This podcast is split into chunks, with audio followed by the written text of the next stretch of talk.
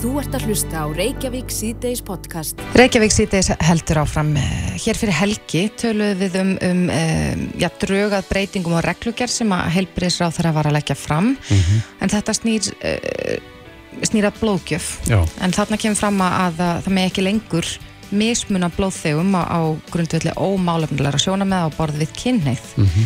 Og þetta í raun og verið gerir það verkum að samkynneið er karlmenn uh, muni geta gefið blóð ef þetta gengur í gegn. Einmitt. Og það hefur ekki verið þannig hinga til.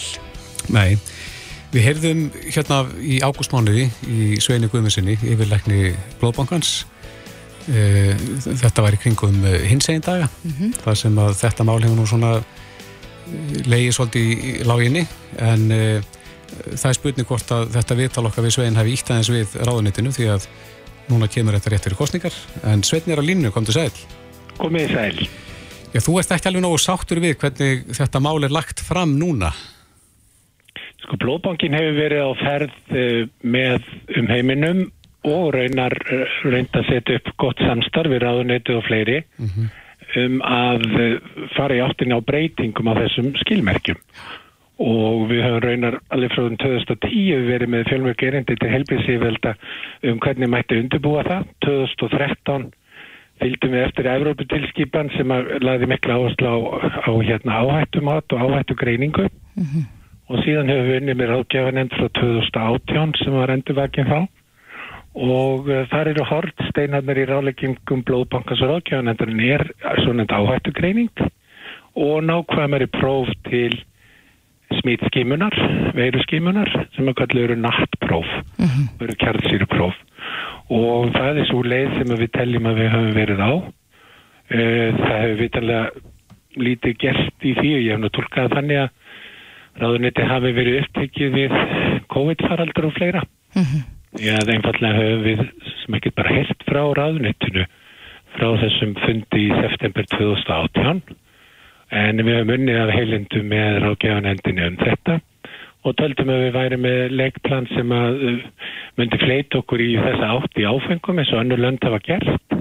Við höfum bent til dæmis á England og, og Kanada sem góð dæminn um það sem myndi verið gert í áfengum hjá þeim á 12 og 22 ára tímabili en við höfum meðal annars í sumari viðraðan við rákjafanemdina lagt fram plönum þar sem við getum farið með markvísum aðgerðum í, í áfangum í þess átt mm -hmm. á mhm. fimm árum.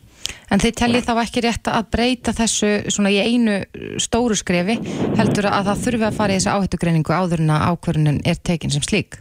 Já, það er, ég tel að það sé ófrávíkjanlega skild að heilbíð sig að velta að huga því hvernig verði tryggt öryggi blóð þega þar segja þeirra sem fá blóð því að rétturinn er allur þeirra megin það er réttur þeirra, það eru mannréttindi þeirra sem fá blóð að heilbriðsíðuvöld og blóðbankar ger ekki hvað eina til að tryggja öryggi blóðsins e, það er líkil atrið í þessu máli svo njótu við þetta þess að hafa séð hvernig annu lönd hafa gert þetta vel og þau plön sem við hefum lagt fram til dæmis í sumar um þetta góðum hug með ráðgjafanendinni eh, gera okkur kleift að gera þetta með mjög góðum hætti sem að Íslensk helbriðsíðul getur verið mjög stolt af.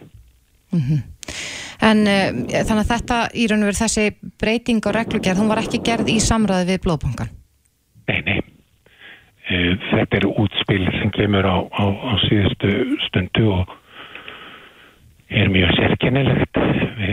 Okkur finnst ekki, ekki rétt að vinna með þessum hætti og það er svo mikið í húfi. Blóðbankar lifa á eh, einu.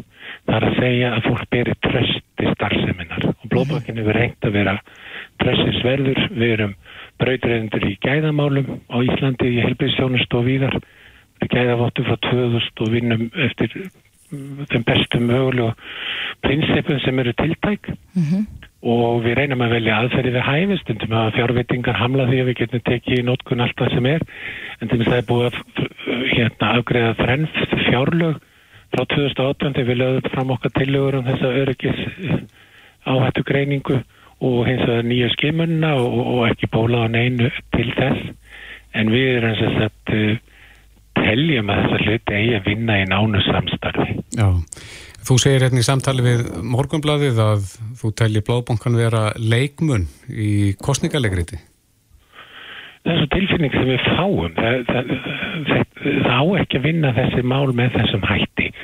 Þessu sem spilað út með uh, litlum sem engum fyrirvara og það eru gefna tvær uh, vikur til uh, umsagnar. Og umsagnatíma líkur 2003 og við erum að fara í kostninga 2005 og ráð þeirra hefur líst yfir og náttúrulega afgreða málið fyrir kostningar mm -hmm. og náttúrulega gefa sér eitt dag til umhugsunar um það sem að e, þau hafa svona kannski svolítið verið að horfa í kjöldu sér í all mörg ár e, það er hægt að gera þetta betur. Og, og, og hérna þá heldur ekki að vekja falsvonur hjá fólki sem er velmeinandi og langar til að verða blóðgjafar hjá okkur. Og við byrjum mikla virðingu fyrir góðum hug MSM hópsins og annara mm -hmm.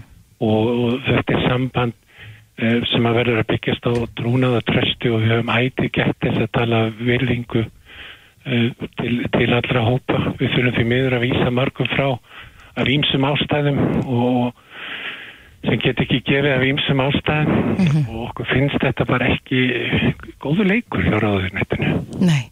Hegst þú leggja fram umsögnum um þessa breytingatillu? Já, já, já, það gerum við. Og von, vonist þið til þess að hún verði já, tekin gild eftir uh, alla þá vinnu sem þið hafi lagt í málið? Við veit að vona ég það. Við veit að vona ég það. Já.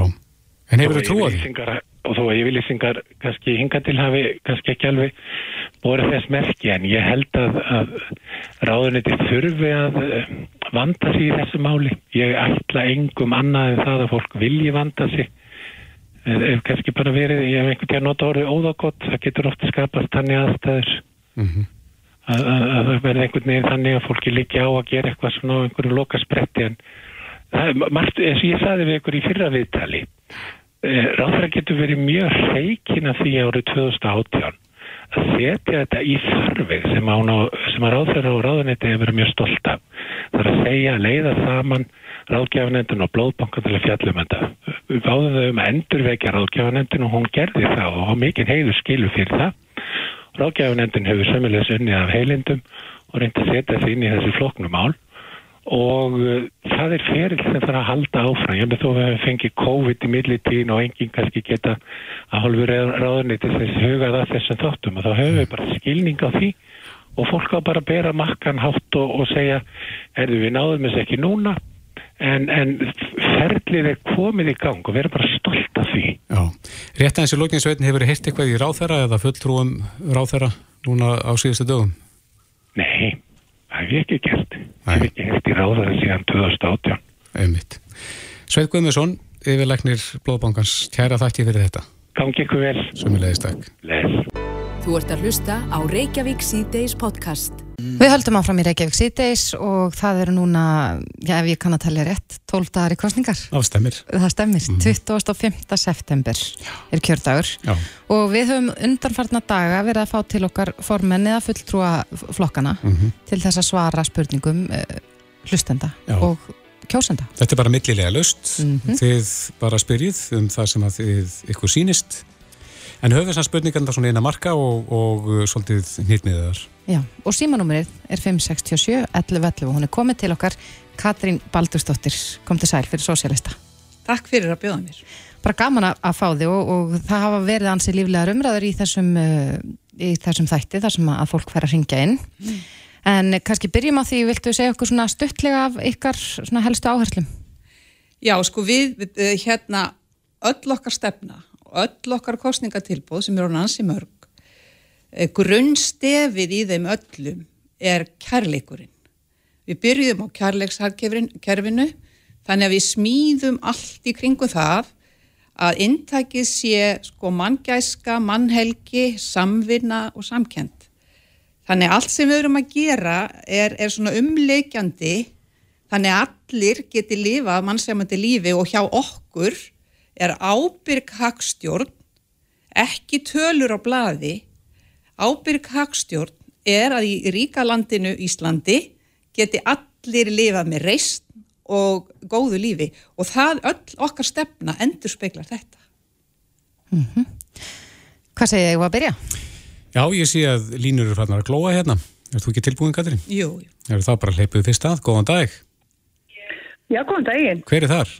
Ég heiti Sigurbjörg. Sæl Sigurbjörg, erst þú með spurningu fyrir Er- Katrínu? Já, er hún Katrín og félagar hennar, sósutafloknum, tilbúin uh, til þess að hækka laun allir viðstega og bæ, beita sér fyrir því að þingmenn og ráðherrar fái skjört laun ef þeir eru sambúð.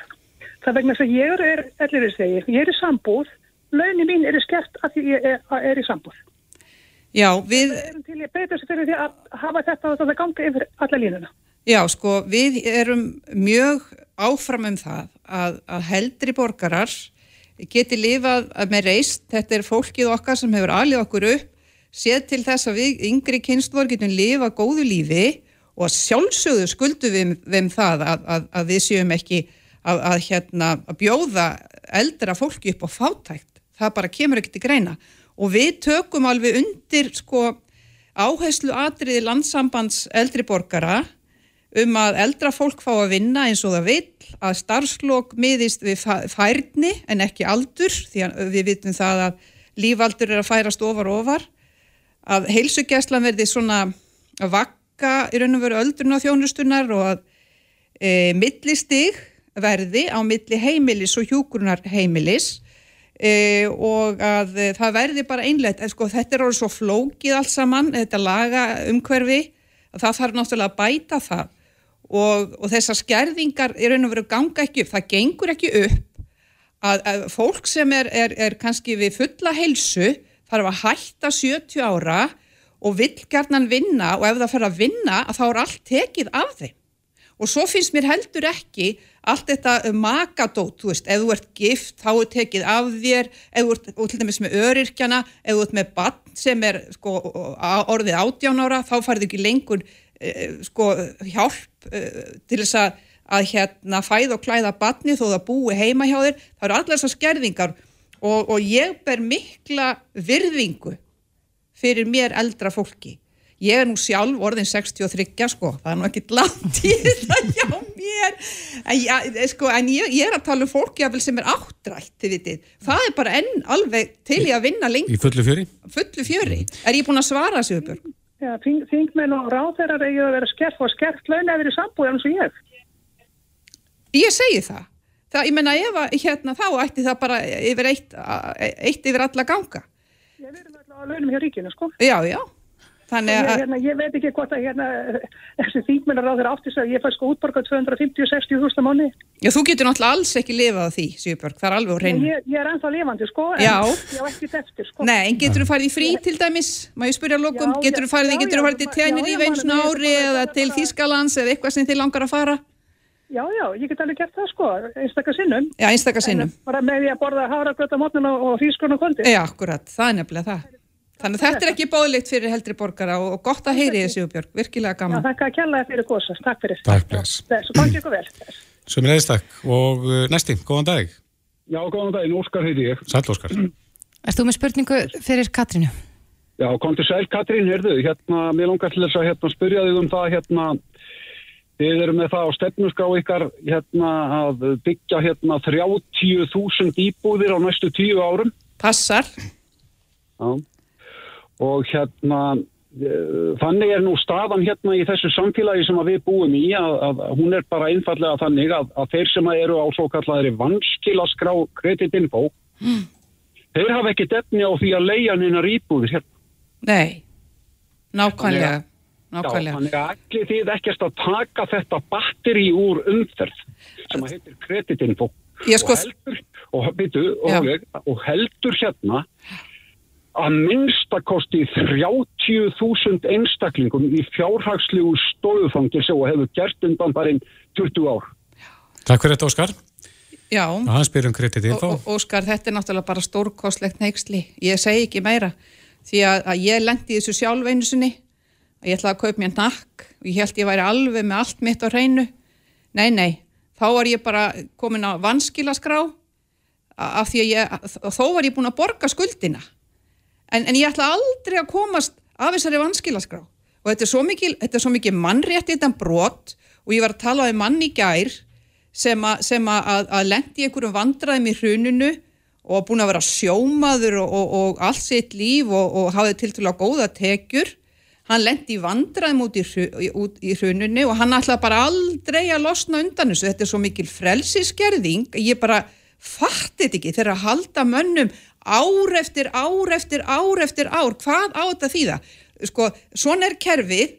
Kerfið er vest þeim sem, sem lendi vanda einhver tíman og þeim er refsað endalaust fyrir það.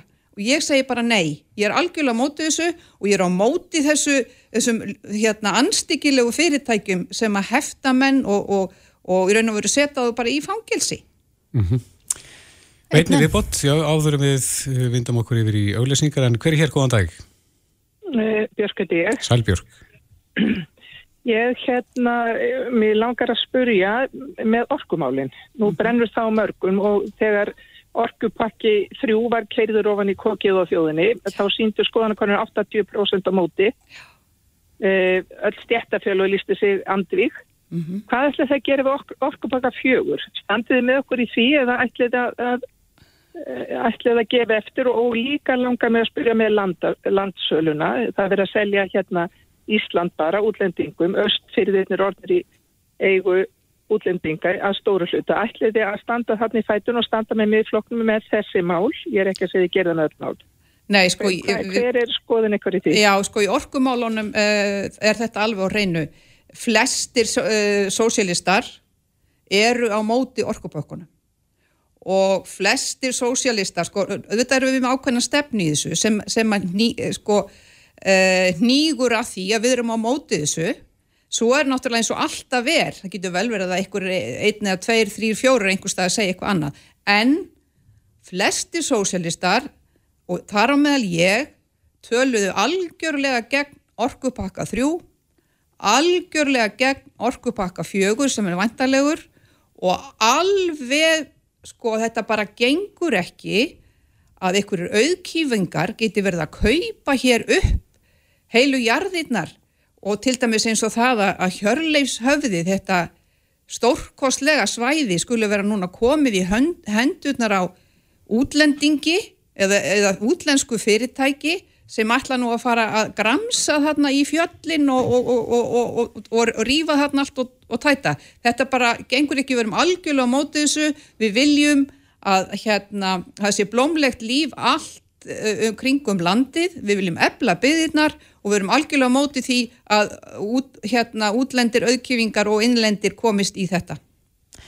Já, nú þurfum við að, að skipta aðeins yfir auðlýsingar en við höldum áfram hér eftir smástund með Katrínu Baldursdóttur og endilega ringiðinn. Jæja, þá höldum við áfram. Hún situr hjá okkur Katrín Baldursdóttir, fulltrúi e, Sósialistaflokksins og e, er að svara ykkar spurningum. Það var nú komin okkar hérna e, undanfatta mínútur. Já, og þetta er svona eitt liður í, í kostningaumfyllin hér hjá okkur og gaman að leifa fólki að, að eh, ná beinu sambandi Já, við frambjöðundur. einmitt. En eh, ef við ekki bara að eh, hleypa næsta að? Góðan dag. Símanúmerið er 56711, Já. ekki gleyma að segja það. Einmitt. Góðan dag. Góðan, dag, Stefán Udík. Sæl. Sæl. Sæl, Katarín. Blessaður, Stefán. Herðu, ég ætlaði að segja að mína skoðun árinni ég ber fram spurningum. Ég finnst sko að vinstri græn í dag vera mjög mikið bara hérna orðin til hægri við hérna vin- miðjuna. Bara að vera afturhaldsamur íhaldsflokkur. Akkurat. Ertu sammála mér að vinstri græn sé í dag re- sko eiginlega komin hægra með við miðju? Sko ég er bara sammála því að ég er bara í sjokki út af vinstri grænum. Ég hérna, þetta var, áður fyrir var þetta vinstri flokkur sem að leit til til að kjósa sko og hérna og, og var virkilega eini valkosturinn í rauninni vinstra megin og var bara, ég, ég, ég trúi stundum ekki mínum eigin eirum, mínum eigin augum þegar ég hlusta á málflutningin og það sem að ég sé út úr þessu er það að e, það er búið að plotta, held ég, hérna bakvið um að halda þessari ríkistjórn áfram. Og ég er ofsalega hrætt um það að það sé í, í uppsyklingu núna bara ennþá meiri hægri stjórn. Og vegna þess að vinstri grænur eru komnið svo mikið til hægri að það verður ennþá meiri hægri stjórn. Harðsvíruð hægri stjórn þannig að við meigum ekki láta það gerast. Ég sem sósilisti er, er algjörlega sko algjörlega sannfærðum það að ef að venjulegt fólk á Íslandi getur fær að lifa sæmilega góðu lífi góðu lífi eins og við erum að viljum að þá, á, þá er það ekki gott að fá hér hægri stjórn, það er mjög slæmt fyrir afkomi venjulegs fólks, það er gott fyrir þá ríku en ekki gott fyrir venjulegt fólk. Nei, við verðum að halda áfram, það er stuttu tími til stefnu. Takk fyrir þetta Stefán og þá er það bara næsta lína. Góðan dag. Já, góðan dag. Hver er þar? Steinar heiti ég. Steinar. Stein, Steinar heiti ég, já. Sæl. Ertu með spurningu? Ég að spyrja, já, ég langar að spyrja Katrinu hérna. Eru þið sent í sóstaflokknum um, um hérna tökku á öðru eða, eða stöður í gætmiðli? Nei, við, við erum sko, við, það sem við segjum í ofinberi stefnum flokksins er að við viljum að almenningur, að, að sem sagt uh, íslenska þjóðin fái að kjósa um Evrópusambandið. Þannig að, að sko við erum leggjum ofsalega mikla áherslu á uh, líðræði á öllum sviðum uh, mannlegs lífs að fólk fá að taka þátt í sínu lífi á líðræðslegan hátt, hvað sem það er í vinnunni, í skólanum, í nærumhverfinu, um allt, um atvinnumálinn, atvinnulýðræð og svo framvegis, þannig að við gerum það. En svo hafa menn einstaka, uh, einstaka mennin og sóslæsflokksinn ákveðna skoðanir á málunum. Ég sjálf, ég get bara að tala við sjálf fyrir mig núna, ég er á móti ESB. En, en upptöku gjaldmiðils? Já, og... lík, já. Ég er bara á móti því, á, á ég segir akkur er, er það stefna bara... sósílista flokksins að, að halda króninni? Það er, það er ekki óbyrgur stefna, nei. Mm -hmm. ég er að segja á þann, það er ekki óbyrgur stefna vegna þess að við segjum í stefnunni að það er að kjósum þetta líraðislega Ég hef hins vegar þá skoðun að það er ekki gerað ástand fyrir því að móti ESB er vegna þess að það er, það er rekið á, á grundvelli mikill að nýfrálsíku og kapitalisma og ég, það er kerfi sem ég er á móti. Ég er á kerfi á móti þessari fjármálavæðingu sem að ESB gengur út á. Og næstir hlustandi, góðan dag. Halló. Er einhver hér? Góðan daginn, hver er þar? Er það ég? Já, það er þú. Já, góðan daginn, Olga heiti ég. Sæl Olga, erst þú með spurningu fyrir Katrinu? Já, mér langar að spurja og nú, ég bý í heimborgum og í sumabústað mm -hmm. og ég má ekki hafa heimili það var í óstafsettu húsi 800 og eitthvað. Og svo í bankanum ef ég ætti að fá einhverju fyrirgreist það þá er sagt að ég bú ekki á Íslandi svo það þýðir ekki til mig að fara að banka og, og spurningin er hvort er ég ekki að treyta þessu? Reyðum að hafa lögheim þar sem maður býr? Jú sko það, það sem þarf að breyta er það að þú þurfir ekki að búa í uh, hérna bústað eitthvað staðar og hafa ekki það lögheimili. Húsnæðiskerfinu þarf að bylta á Íslandi þannig að allir, allir, hvað sem þeir eru gamlir, hvað sem þeir eru búa, hvort, uh, hvort þeir uh, hérna fái 500 eða miljónamániði, þeir allir eiga geta búið við góða húsnæðistefnu sem gerir það verkum að allir hafi gott skjól yfir, yfir höfuðið. En að geta skráður lögheimili sitt í frístandahúsi eða sumabústi? Ég sko þetta bara á, kerfið á ekki að vera svona. Fyrsta verkefni hjá, hjá okkur væri að koma á öflugu húsnæðiskerfu þannig að þar sem að væri í rauninni leiguþakk, þar sem að fólk sem á kannski bara li, litla peninga vill samt eiga, getur lagt eitthvað inn í, kannski 2-3 miljónir eitthvað svo leiðis og þá áður bara svo gamla verkamannabústaðkerfi mm -hmm Þú getur aldrei selt út úr þessu kerfi en þú getur eignast á laungum tíma. Einmitt. En hún er að spyrja svona þegar hún er með býð þarna í hlönnborgum? Já sko með að við ástandið eins og það núna þá myndi ég segja það að þú ættir að geta það. Hvað átt að gera annað? Átt að vera á götunni? Nei, verð, það verður að vera hægt að skráði þarna meðan að aðstæðu þínar er ekki betri en aðstæðu þínar verða miklu betri ef að sósálistaflokkurinn fær að ráða. Þetta er dýrastu vekkur, já, grindas og það þarf miðverða ári í fastegningja. Bara söma vísust áhersum. Já. Að þú hefur flú, flúið í sömabústæðin út af fastegnargjöldum? Ég er nú bara að tala um það, það er, og svo fáum við ekki að búa hér. Nei, akkurat. Já, einmitt. Akkurat. Þetta, þetta er ekki gott. Herðu, kæra þakki fyrir þetta. Já. Og næsti hlustandi, góðan dag. Já, góðan dag. Átni heiti ég. Sæl Átni. Erst þú með spurningu fyrir Katrinu? Já, hérna, ég heyrði þið á að segja að þetta vonda útlendingarnir verið að koma með fjármagn og kaupa hér upp landið, er það ekki rétt hjá mér? Jú, bæði útlendir og reyndar innlendir auðkýfingar, að menn geti bara eignast hér landið upp til hópa, bæði alveg sama hvort eru innlendir eða útlendir. Ok, hvað finnst þér þá, þá flótti en að þá hælisleituður sem eru að koma til landsins með vend í öðrum löndum sem eru þá að taka væntalega fjármagn frá öryrkjum og gamla fólkinu? Sko, ég líti ekki svona á þetta. Það er nót til á Íslandi fyrir alla. Ég segi, ég, ég vil taka vel á móti hælisleitendum, ég vil ta taka vel á móti útlendingum, ég, ég tel að þeir auðgi mannlífið, það koma hérna, kemur hérna fólk sem vinnur hörðum höndum, þrælar hér frá modni til kvöls, býr við slæmar aðstæður og þó að við hjálpum fólki. Ég menna, sko, mannúð er megin stefið í stefnu okkar og það er ekki mannúðlegt að stilla því þannig upp að ef þú ert góður við hérna eða, eða kemur vel fram við inflytjendur sem að strýta hér í störfum sem aðri vil ekki vinna, þá er ekki nóti, akkur skatleggjum við ekki þá rík og tökum peningarna þar, akkur tökum við ekki aflaheimindandi tilbaka þannig að, að hérna arðurinn af öðlindunum renni til okkar, það er fullta peningum hana, við höfum að sækja þá það sem þeir eru, við höfum ekki að skerða öryrkja það er ekki spurning um það að öryrkjar fái minna að því að hér komin hælisleitindur. Við höfum að taka peningarna þess þeir eru, það er nóg af þeim. Já, takk fyrir þetta og næsti hlustandi, góðan dag. Já, góðan daginn Viðar Guðjónsson, þetta ég. Sæl Viðar.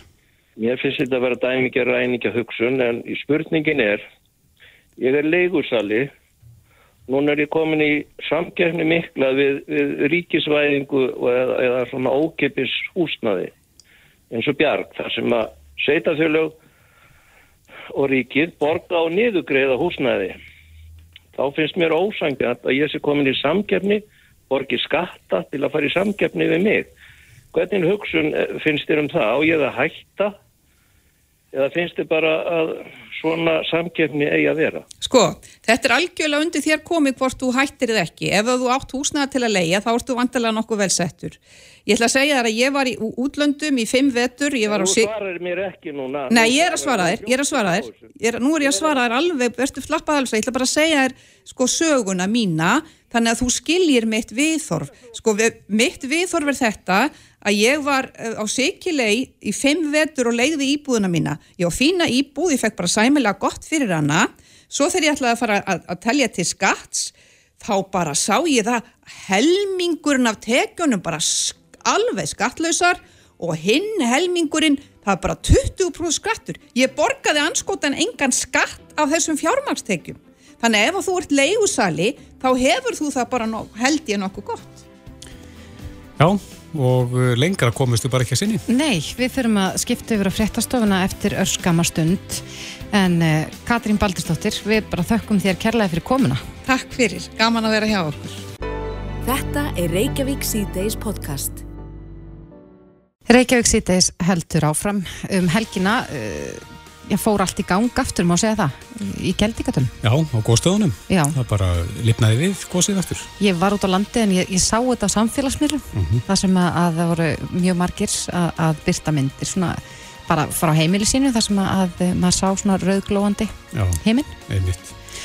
Þetta hljóta að vera góða frétti fyrir ferðarþjónustuna Já, er það ekki? Þetta sé og vantarlega fyrir þá sem hafa gaman að góðsunni. Akkurat. En svo næsta viðmælanda. Nákvæmlega. Næsti viðmælandi. Hann er hinga komin til okkar Þorvaldur Þorðarsson, professor í eldfjallafræðum, kom til sæl. Góðan daginn.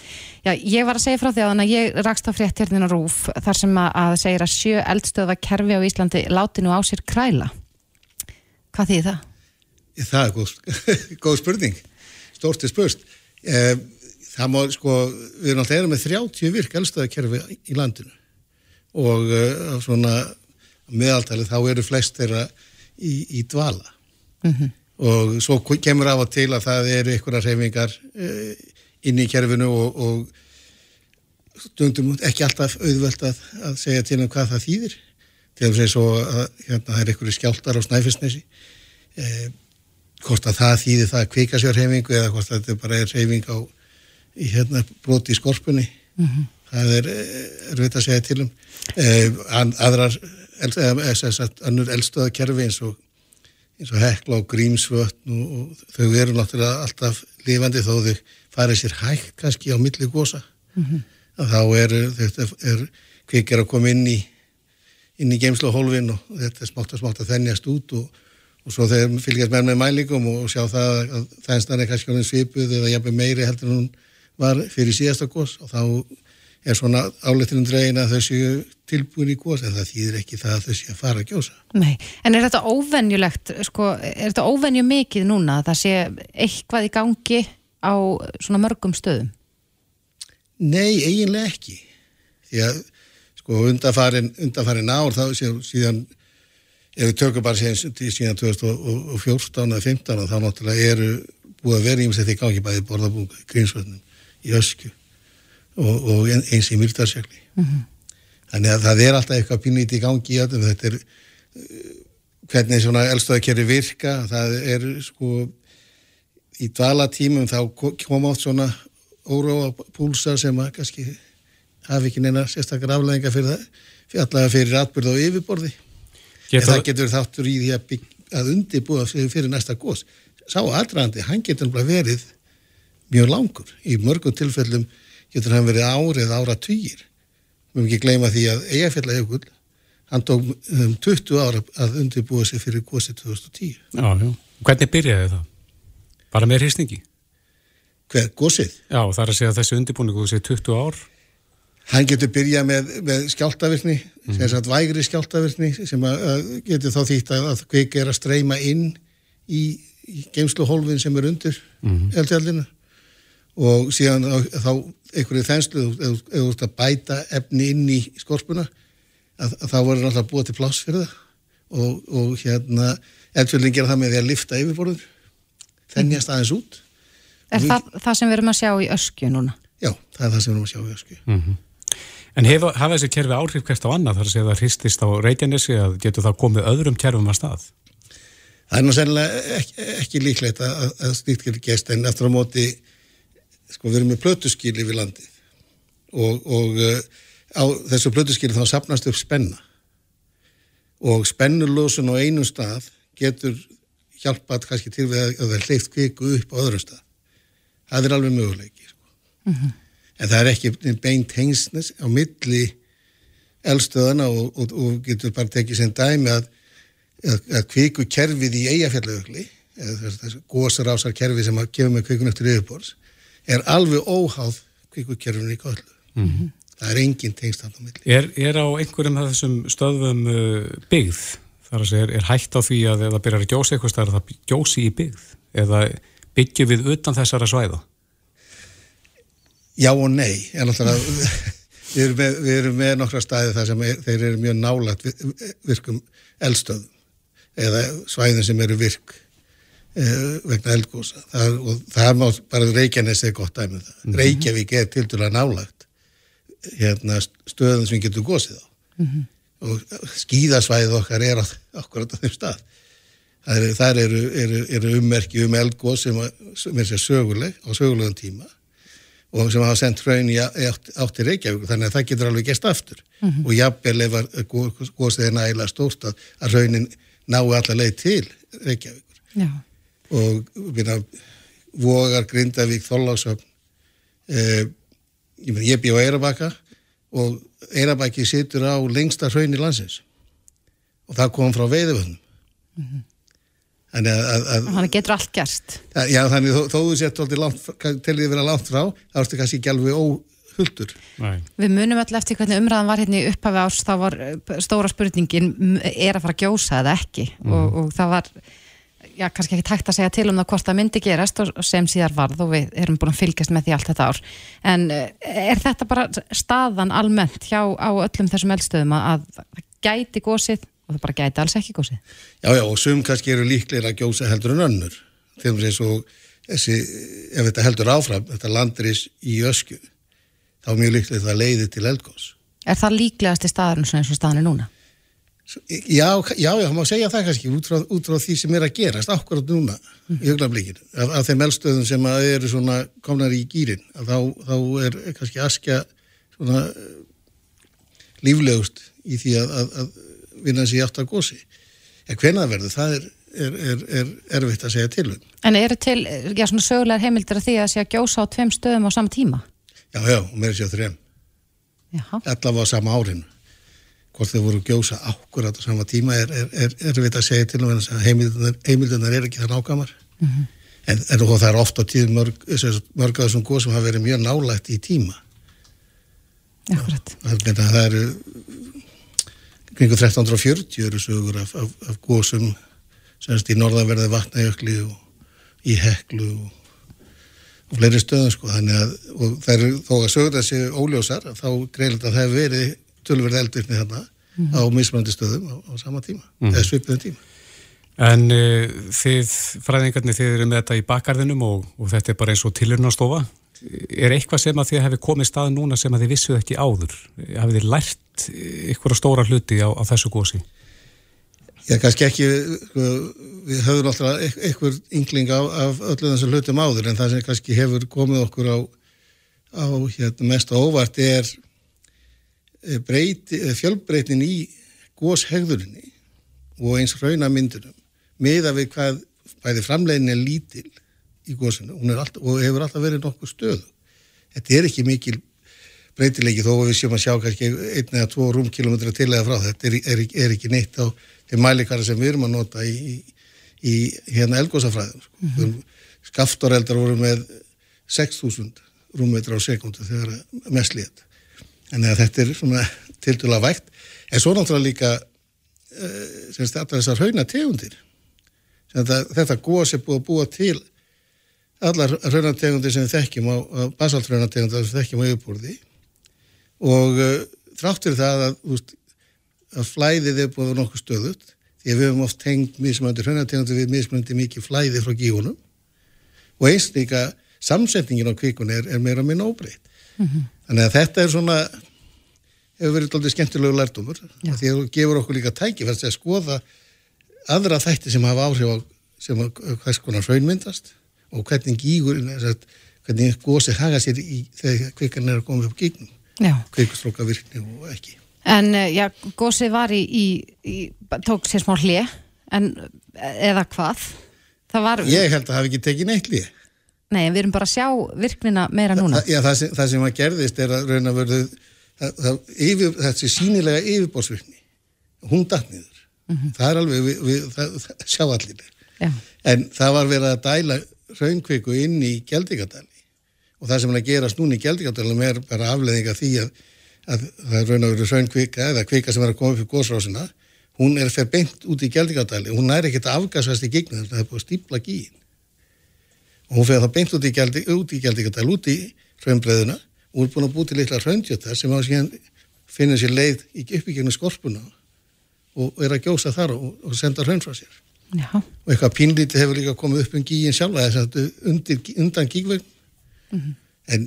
Þannig að það er gósið þeirur enninni sko frá, ekki, ekki það sem gígurinn er heldur annar staðar. Sennilega er kvekan að koma upp það sem gígurinn er en, en sveigir síðan til, til vestus áður því hún kemst ekki upp í gegnum gí. Já, og spýti síðan upp eitthvað frá. Já. Já. Já, það er alltaf gaman að fylgjast með þessu og, og ég sjaldan sem er með uh, eldgós í, í bakgarðum eins og núna en uh, Þorvaldi Þórasson, professor í eldfélagfræðin. Takk kærlega fyrir komina. Ja, takk fyrir mig. Reykjavík síðdeis á Bilginni podcast. Reykjavík síðdeis á Bilginni heldur áfram. Aðal meðferð í rauðagerðismálinu svo kallaða mm. uh, hófst í hérastámi Reykjavíkur í dag og skýrslutökur standa yfir fram á fymtudag.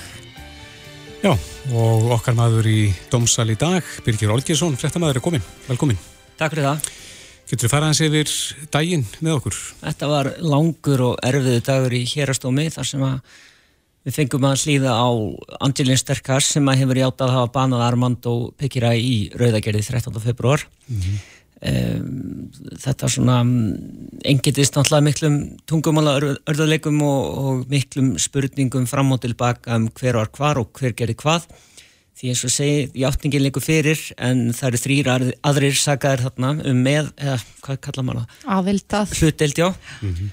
og uh, það er svona býður saksóttan verkefni að, að sanna það og og sér sagt eh, þannig að fyrir dómi í dag þá sögðu þau þrjú sem eru sökuð um, um þess að hlutdeild ekki hafa kannast við neitt.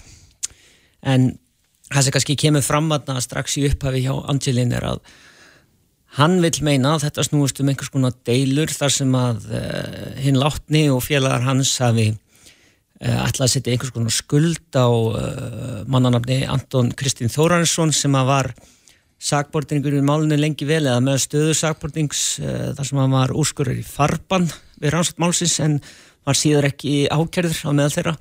Og uh, hann hefur bóðað að hann minni leita rétta síns vegna rannsóttan laurugla á sér í þessu máli.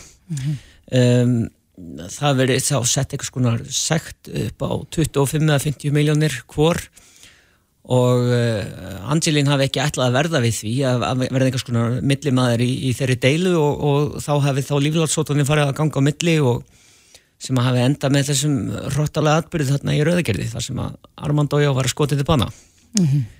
En þarna eru þrýr aðri sakbortningar eins og kemur inn á. Og Hver, er- hver er þeirra vittnisspurður í þessu máli? það er annars vegar, ja, það byrjum þarna á Claudiu Carvalho sem var þá kærasta Angelín og hún er sér að sögu um það að fylgst með ferðum Armando þetta kvöld.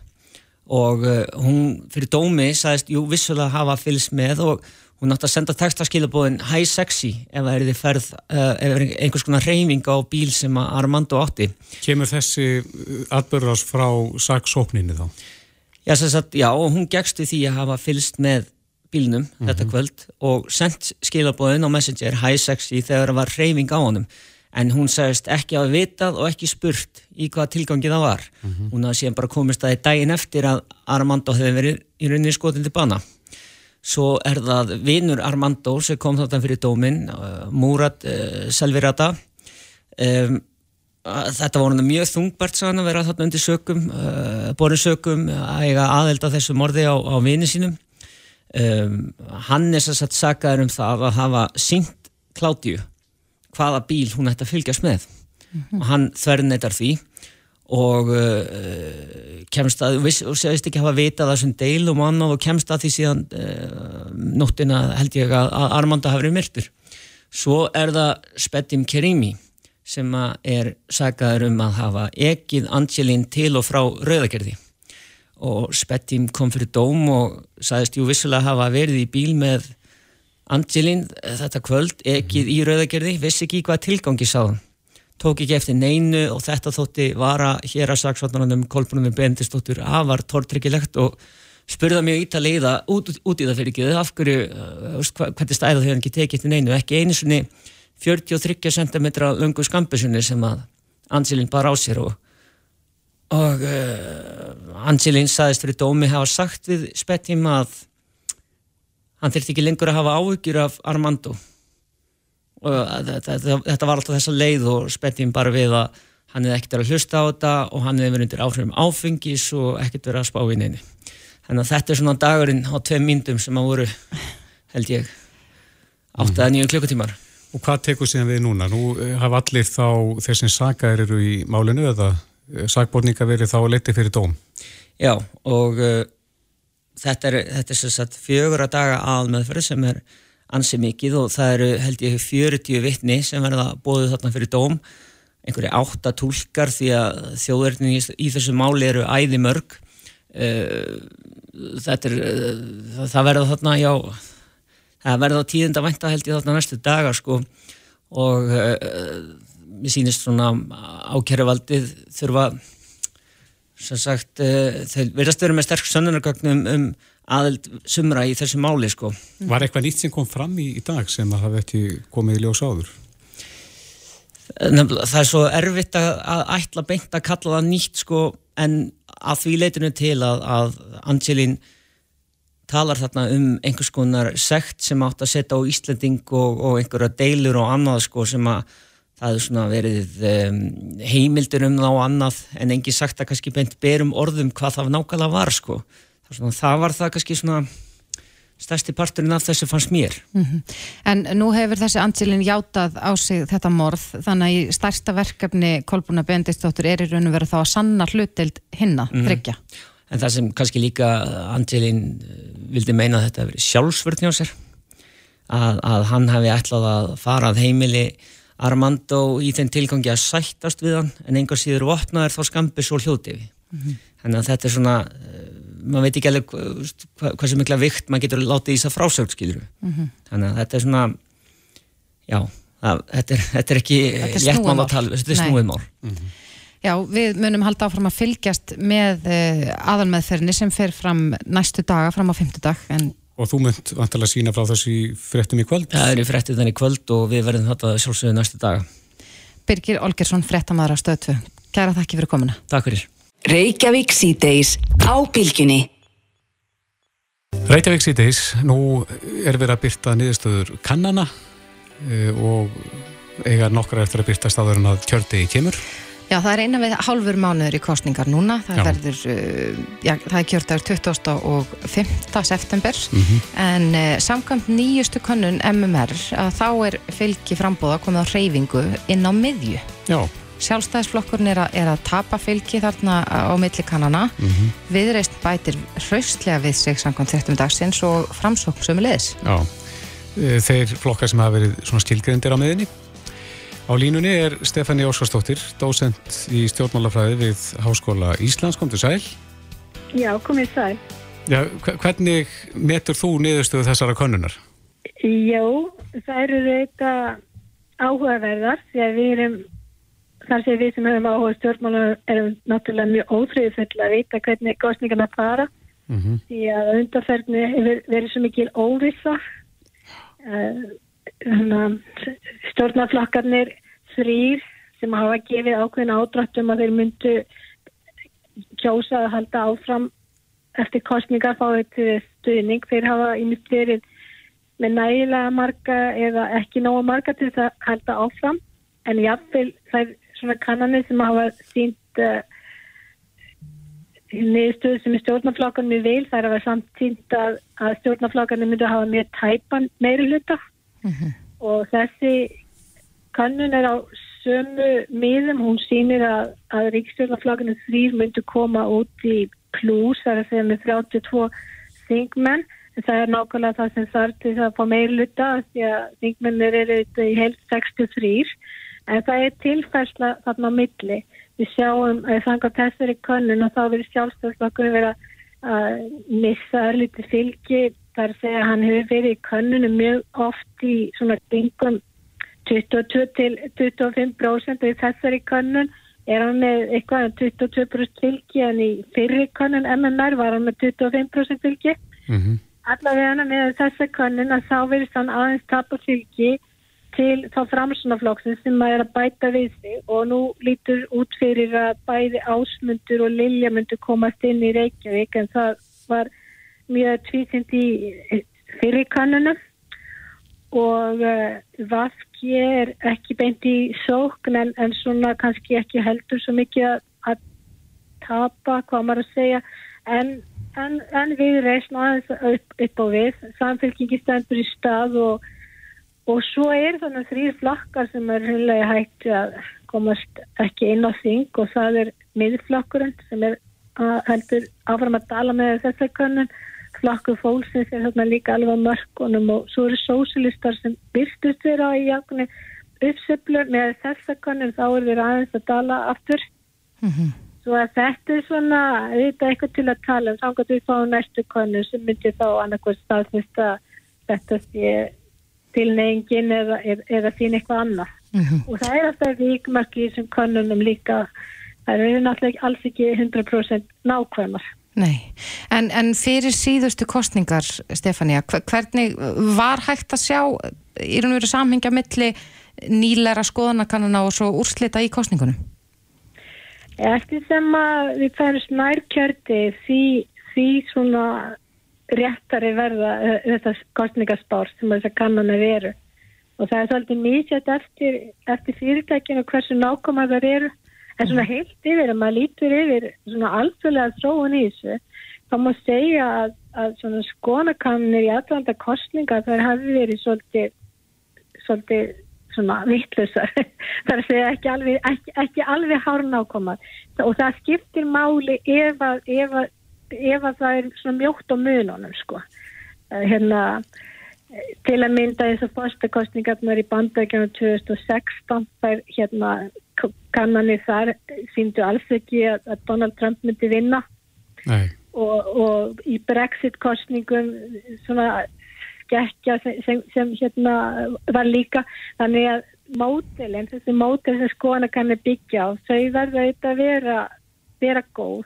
Og sumi tala um að hafa orðið erfiðar að fá fólk til að svara í skoðanakönnum og, og hérna og svo kannski þegar, þegar það er, verður svona óslulega mikil dreifing á milli e, til dæmis þess að við sjáum núna milli flokka, nýju flokkar sem er að möguleika að fá inn þá er kannski til dæmis að fáir einstaklingar sem standa á bakvið svörin. Já, Þannig að þetta eru, þetta eru vísindi þau gefa ákveðna mynd en þetta er þetta, þetta er, þetta er spá, þetta segir svolítið um stöðuna núna. Mm. En má segja, Stefani, að, að það séu fleiri óákveðinir svona þegar að svona stutt er til kostninga núna, er, er fylgi svolítið á, á floti? Já, sko, þessar skoðanakannanir, þær hafa í rauninni breyst ótrúlega lítið heilt yfir kjörtumbilna. En það þýðir þó ekki að fólk sé 100% ákveð vegna þess að maður heyrir á fólki og líka við þess kannanir bendast að fólk er ókveð núna eins og hefur verið fyrir aðra kostningar ókveð hvað það mun nákvæmlega kjósa. Margi verðast vera með kannski tvo kosti í huga, jafnvel þrjá og, og það verður hérna og, og fólk svona ákveð, fólk gerir ekki fyrst í fyrir alveg í lokin mm -hmm. og svo getur maður velt, velti fyrir sér hvort að hérna, hvort að hvort að uh, hvernig kostningaþáttakan verður við höfum búið svo vel að kostningaþáttaka hefur verið mjög góðu þingkostninga 80% um það bíl sem er mjög gott. Uh, við berum saman við önnur ríki. Mm -hmm. en, en mögulega mögulega núna gæti hún eitthvað dotti niður og þá er þetta kapsmál fyrir stjórnmáluflokkana að tryggja sem tryggja, ég minna að sem flestur kom og kjósi ég minna, kostninga bara þetta lítur að snúast en um það að fá alla fá, fá líklega kjósendur sína til að koma og kjósa Akkurat. og það mun færast harka þetta í kostninga bara þetta núna loka metrunum sem, veist, er gengið eftir því að fólk skilir sér að kjörsta og láti rætt sína heyrast. Mm -hmm. En Stefania, nú eins og segir að þá eru, já, kannski margir ennþá með tvo-þrjá valkosti í huga og er ekki búin að gera hugsin. Hva, hvað skiptir mestu máli fyrir stjórnmáluflokkan núna? Er það bara hreinlega að koma sér á framfæri, segja frá sínum stefnumálum, taka þátt í, í umfjöllun í, í fjölmjölum eða hvað? Sko, ég, ég geti nú trúa því að flestir viti fyrir hvað stjórnmálflagarnir standa og, og, og líka svona okkur nefn hver er það í fóristu. Ég held að fólk sé svolítið að velta fyrir sér hvað muni verða eftir kostningar. Mm -hmm. e, nú hefur það sínt sig að þessi ríkistjórn sem að er að ræna sitt skeið að því að kjörtíðanbilið er að renna út að hún hefur notið stuðnings svona 50-50-60% kjósunda með meiri stuðningur heldur en að hafa sagt að lísti við stuðningi við stjórnaflokkana þrjá samanlagt. Þannig að það mætti ímyndið sér að sumir myndu þar að segja þá ákveðin mei, meirliti kjósund að myndi ég að geta hugsað sér að þessi ríkistjórn heldi áfram. En þeir veit ekki alveg hvaða, hvaða flokkið er að greiða atkvæði til að tryggja það yrði. Nei. Skilji að því að, að, því að hérna, til að mynda sig vaski er með möguleika á að hérna, að spila uh, myndastjórn með, með uh, skildari flakkum hugmyndafræðilega mm -hmm. eða sem sé á vinstri vagnum en það þýstir þetta mjög marga flakka til þess uh, til, til þess að það geta orðið það er ákveðin svona þristingur á, á úr græs og dvaski á Katrinu að, að slíta stjórnarsamstafið sjálfstofsverkin eftir kostningar En, og, nú, og nú er ég að koma að því að það, það, er að, að, að, að vaskjandi fórstu Katrina Jakobs nýtur kannski stuðnings nýra kjósenda. Mm -hmm. líka vel við hana sem fórstutræður myndi gætna vilja sjá hana áfram í fórstu eða allavega í ríkistjórn en gætu kannski ekki hugsið sér að kjósa vaskja ef þeir væri að kjósa vinstristjórn mm -hmm. En samkvæmt þessari nýju skoðanakonuna þá væri Vafki með, með sex þingmenn. Mm -hmm. Og hvaða já. valmöguleikar eru þá í stöðunni já, fyrir Katrinu? Sko, Kat, já, Katrin, hérna, staða stað hann alltaf þrengist eftir sem að hennar flokkur er minni, eðlilega. Þannig ég geti ímyndið mér að loka metrunum og þá myndi verðalega áherslu á það frá hjá Vafki að leggja áherslu á að greiða þeim flokki atkvæður vilja sjá hana í, í, fórustu ríkistjórnar eða jáfnvel í ríkistjórn Eh, og, og en, en sem sé sko Vafki, Píratar og Samfélkingin eru samkvæmt þessari nýjastu könnun með 19 þingmenn þeir þurftu að fá með sér viðreist sem að samkvæmt þessari könnun er með 7 þingmenn.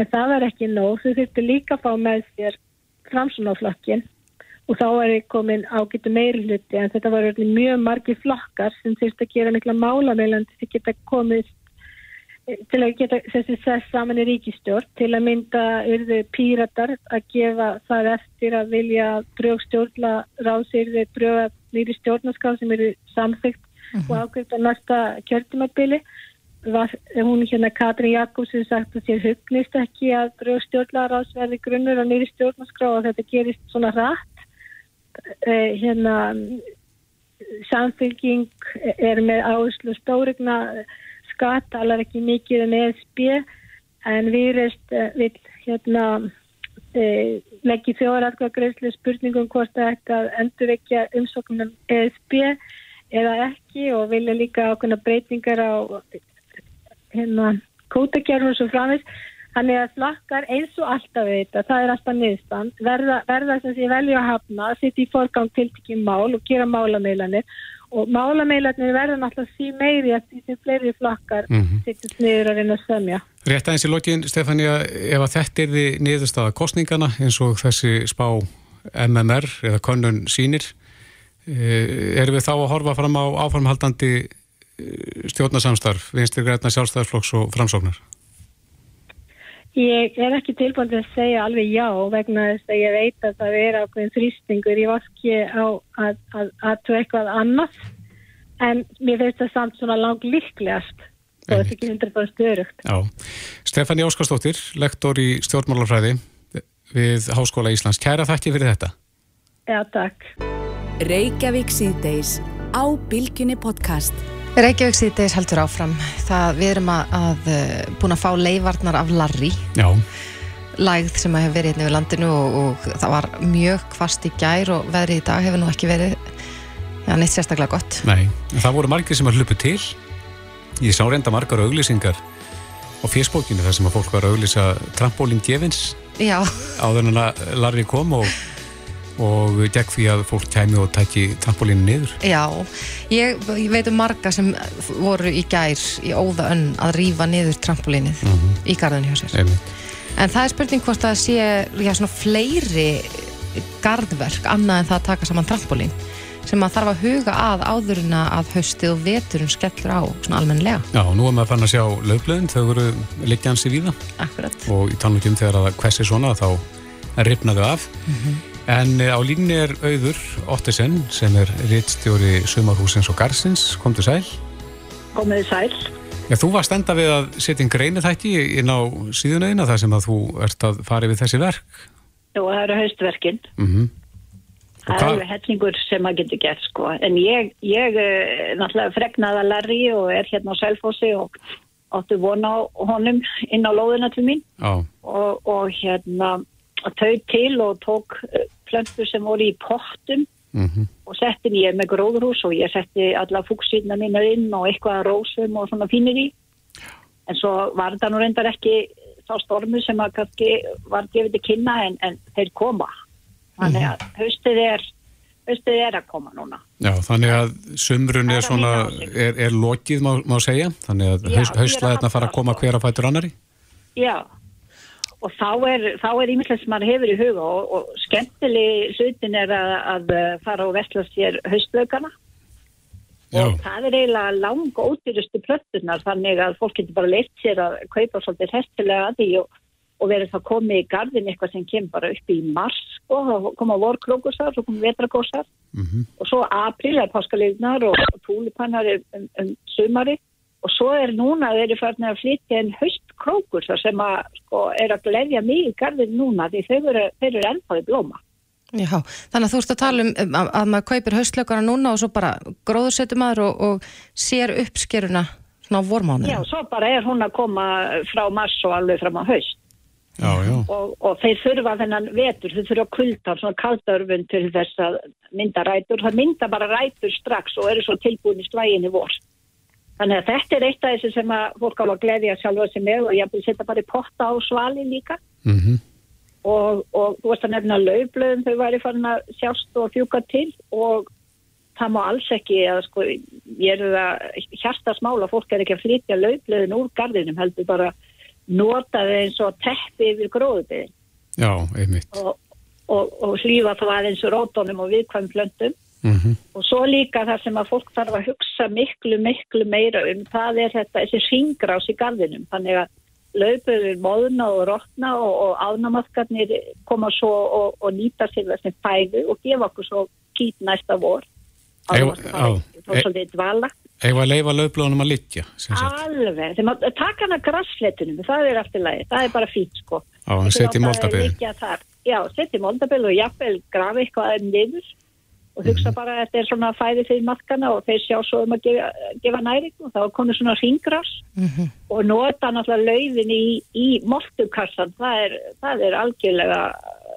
stórsniðut og þá er það á móti eh, því sem kemur úr eldúsinu blöta efnið þaðan og þá þið bara fá allir ábásla fína mál. En á maður Þetta er eitthvað, sjálfsjóður. á maður eitthvað að vera að, að já, róta í beðunum eitthvað að já, undirbúa beðin Nei, fyrir veturinn? raun að veru á maður kannski að að róta sem minnst en, en þeim sem er í matjustarækt að það er mjög sniðut að útvega sér uh, tara eða söl úr, úr flæðamáluna því að uh, það eru plöntur sem losna í hafi og rekka svo upp í fjörur og, og þá er það komið með næring og sniðut að, að, að sækja fyrir slíkt og jafnvel setja hænsnarskít eða kjötmöl og blanda saman við moldina í matjustarækt þá er það tilbúið í vor. Já, svona hensnaskýts ábyrður. Já, alveg tilvalið sko. En auður, er, já, að þegar við erum að tala um Larry, hann, hann kom í gær, en já. já. loknið og undan storminum var á, á lögadaginn og það var virkilega fallet og stilt veður á lögadagskvöld og við Já. sátum að undan palli og, og skyndilega þegar það voru myrkur og þá heyrðum við eitthvað náttúrulega í fjarska að setja sláttuvelin í gang já, og við, við hugsaum þess ætlar að taka síðasta sláttinn með, með höfuljós vantarlega já, já.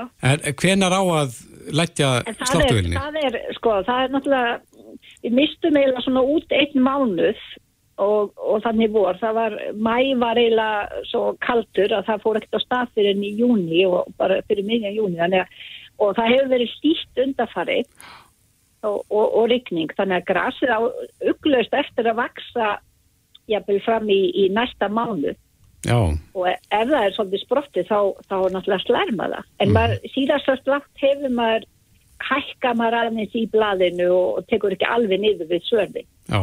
En er að koma, Svona 7 cm kannski. hvena kemur að síðasta slætti? Það er vola erfitt að segja það því að eh, sko nákvæmlega upp á dagsetningu en, en hérna einstaka sumar núna síðustu tíu ár þá hefur næstu mánuður, oktober, verið hlýr mánuður.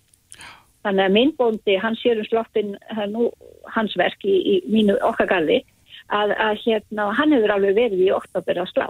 Já, já. Þannig að þetta var ekki hann með, Það er ennþá, það er ennþá, nei. með höfuljósið.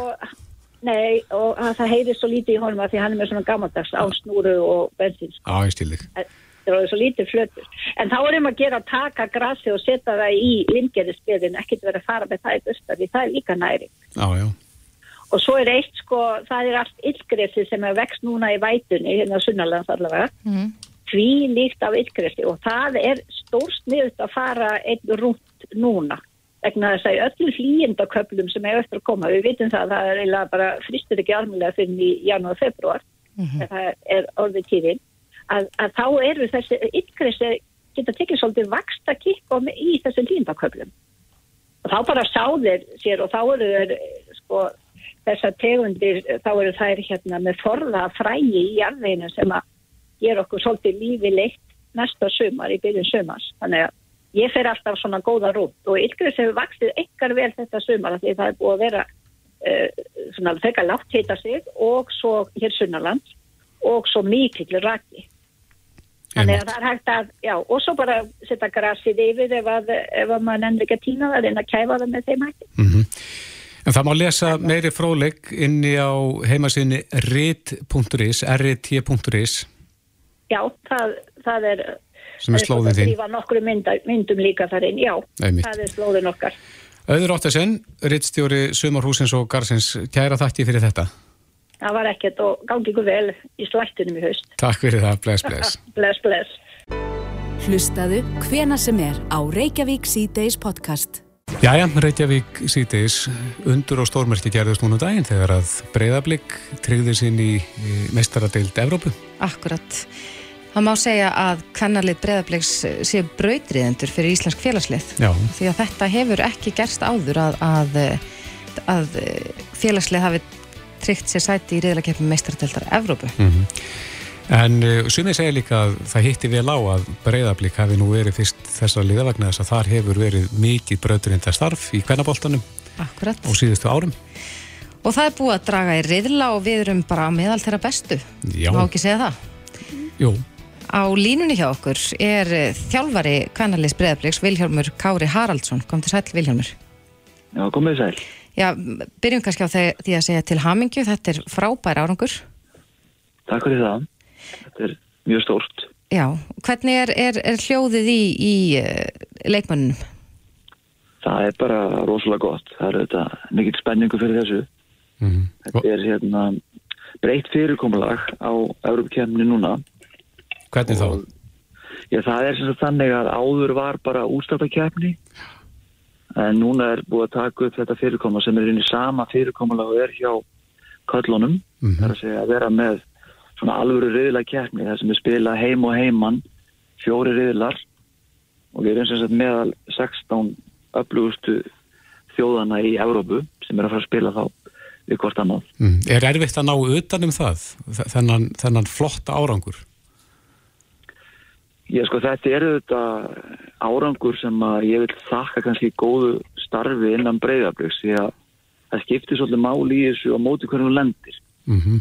og góður árangur breyðabliks í Evrópakefni hefur skapast af því að við hefum verið að komast áfram og til dæmis fyrir nokkrum árum að þá, þá komst breyðablik mjög lánt og dætt út á móti einmitt PSG sem er einmitt í þessum riðli sem að við erum í Einmitt. og þá sapnast upp eh, ákveðis, ákveða stigum og síðan þegar það er dreigið núna að þá lendur við á móti anstæðingum sem eru lið sem við eigum svona möguleika móti það er ekki það munar svolítið miklu að spila, spila móti liðum sem, sem maður á möguleika að spila móti því að sögum liðin eru náttúrulega grí- gríðarlega sterk eins og nöfnum gefur þetta kynna Já.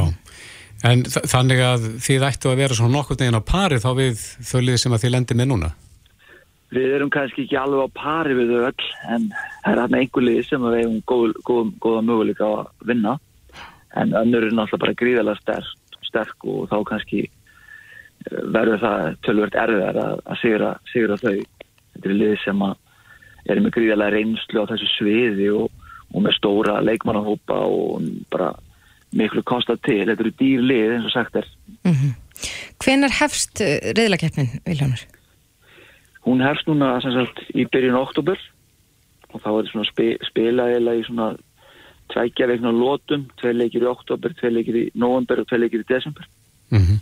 Þá líkur riðlinum og í framhald af því þá fari, fer í gangir í svona áttalega úrslit þegar að tvækja austu liðu hverjum riðli. Já. En nú er sagt frá því í fréttum að það verður hugsanlegt hægt að leika eh, heimaleikina hérna heima. Já, það verður nú erfitt að leika hérna heima en það er eitthvað sem að verður kannski erfiðara fyrir okkur að spila okkar heima velli. Það er að segja að, að hérna, við viljum auðvitað spila okkar heima velli sem er kópásvöldur. Mm -hmm. Það er auðvitað gerðugræsvöllur og við æfum þar alltaf. Þannig að það verður mjög slæmt ef við þurfum að spila okkar leiki á lögatarsvölli sem er græsvöllur og sérstaklega náttúrulega við þær aðstæði sem er í nóvumber og desember þegar oft bara frost í jörðu og, og, og, og slíkt. Þannig að það væri náttúrulega gríðarlega mikilvægt ef við næðum að fá samþykta undan þó ósk um að fá að spila okkar leiki á kópásvelli en lýsingin á vellinum er ekki semst í samræðinu það kröfur sem gerðar eru til Evropu leiki á, á þessu stíi. Mm Er núna verið að, að skoða hvað hægt sé að gera ja, til þess að þið gætuð mögulega þá spila á Kópásvöllin en er þá lögatarsvöllur eini kosturinn annars hérna heima? Já, ég held það sko, þetta sé að það er að vinna í þessu máli og veit svo mikið lágæðlega hvað, hvað það stendur en, en ég held að lögðarsvöldur sé inni svo möguleiki sem við höfum annar því það er allt upp á tíu hvað þetta var þar. Einmitt. En það getur einst erfitt svona að vetri til. Já, ég get bara ímyndað mér að liðin sem eru að koma hinga myndi freka vilja spila á uppbyttum gerðugrarsvelli, renni sléttum heldur en að spila kannski á lögatarsvelli sem að væri kannski búið að vera að frosta á í eitthvað tíma þú veist, þannig að maður getur bara sett því spór hinn að liðana þau myndu örgulega freka vilja spila á kópásvelli ef aðstæðuna væru góðar það sko En hvernig er, er liðið stemt fyrir það sem að framöndan er? Þetta er bara svona eins og hvert annað ævintýri myndi halda sko. Það er allir gríðarlega spenntið fyrir þessu. Þetta er auðvitað mikið búst fyrir félagi að fá allar fá peningar sem að er í bóði, bæði fyrir að komast í þetta og líka, svo er náttúrulega líka fjárhæði fyrir að vinna leiki í þessu. Þannig að þið ættu að eiga fyrir nýri lýsingu? Já, það er náttúrulega kannski bærin sem að á mannverkið. Já, sem að sér um það. Þannig að ég veit ekki hvort þetta lána en peningin en allavega þá hérna, er það þannig að bærin þarf að, að hérna, bæta lýsinguna og, og ég veit að það er alveg viljið til að gera einmitt þetta í þessu og það verður bara komið ljós hvað kemur út úr í. Mhm. Vonandi bara kemur eitthvað jákvæmt út úr þessu og við fáum að spila okkar heimaliki á okkar heimavelli. Akkurat. Það er bara gríðarlega mikilvægt til að eiga möguleika á að standa sér vel í viðleikinu. En uh, já, það hefur eitthvað verið talað um það að, að þið ættuð samkvæmt reglum í UEFA að geta stækkað hópin eða bætt við mannskap. Eh, Stendur það til? Já, við erum auðvitað að skoða bara þá möguleika sem er í því. Uh, það sem er kannski svolítið sérstatt er að þetta er alveg nýtt fyrirkomulag og nú eru lið nýbúin að vera bæta við sig kannski leikmönnum út í Evrópu. En glukkin, félagskeptaglukkin er búin að vera lokar hjá okkur síðan í, síðan í hérna mánamótin júli-ágúst. Þannig að þetta er alveg nýtt og íslenski félagskeptaglukkin hann er ekki opinn núna þannig að leikmenn sem voru til þess að láni í öðrum liðum í deildinni, við vorum með leikmenn í Keflavík og Fylki og, og IBVF þessa leikmenn hefði verið svo gott að geta kalla bara tilbaka í breyðarbygg núna þegar við förum, förum í þetta verkefni. En félagskeptaglukkin leifir þetta ekki en svo hefur, eru þetta aðri möguleika sem eru þessi sem hefur verið talað um að sé að fá, fá leikmenn sem eru án samnings og, og, og hérna, eru í eins og atvinnlausir þannig við erum auðvitað að skoða bara alla möguleika til að stækka hópin og vera bara samkynningshæf sem skiptir miklu máli. En Vilhjálmur, hversu margar í liðinu eru uppaldir blikar? það er ég hef mátt bara undirbúa þetta betur það er eh, alls ekki með þessu kosti helmingurinn. Já, akkurat. En þetta er, þetta er ævintýri og uh, þið er tilbúin í slægin. já, þetta er algjört æventýri og við erum virkilega tilbúin í þetta og ætlum að njóta þess alveg í bótt þetta er hérna stórt fyrir íslenska knaspinu þetta er náttúrulega gríðarlega bara auðlýsing fyrir íslenska bókbólta, eiga liða þetta Já, og við verðum með þetta allir blikar á meðan á þessu stendur. Já, og maður er að heyra það sko, það er allskins hérna káringar og effaðingar að breyta sér blika við þetta sem er bara frábært. En maður vona bara að hérna, við náum upp góðum leikjum og, og, hérna, náum að sína það að sanna, að við höfum sannlega skilja að vera þarna. Já. Við hvetjum ykkur bara áfram og fylgjumst með Vilhjálmur Kári Haraldsson, þjálfari kvennarleis breyðarleiks. Takk kærlega fyrir þetta. Takk sem leiðis. Þetta er Reykjavík C-Days podcast.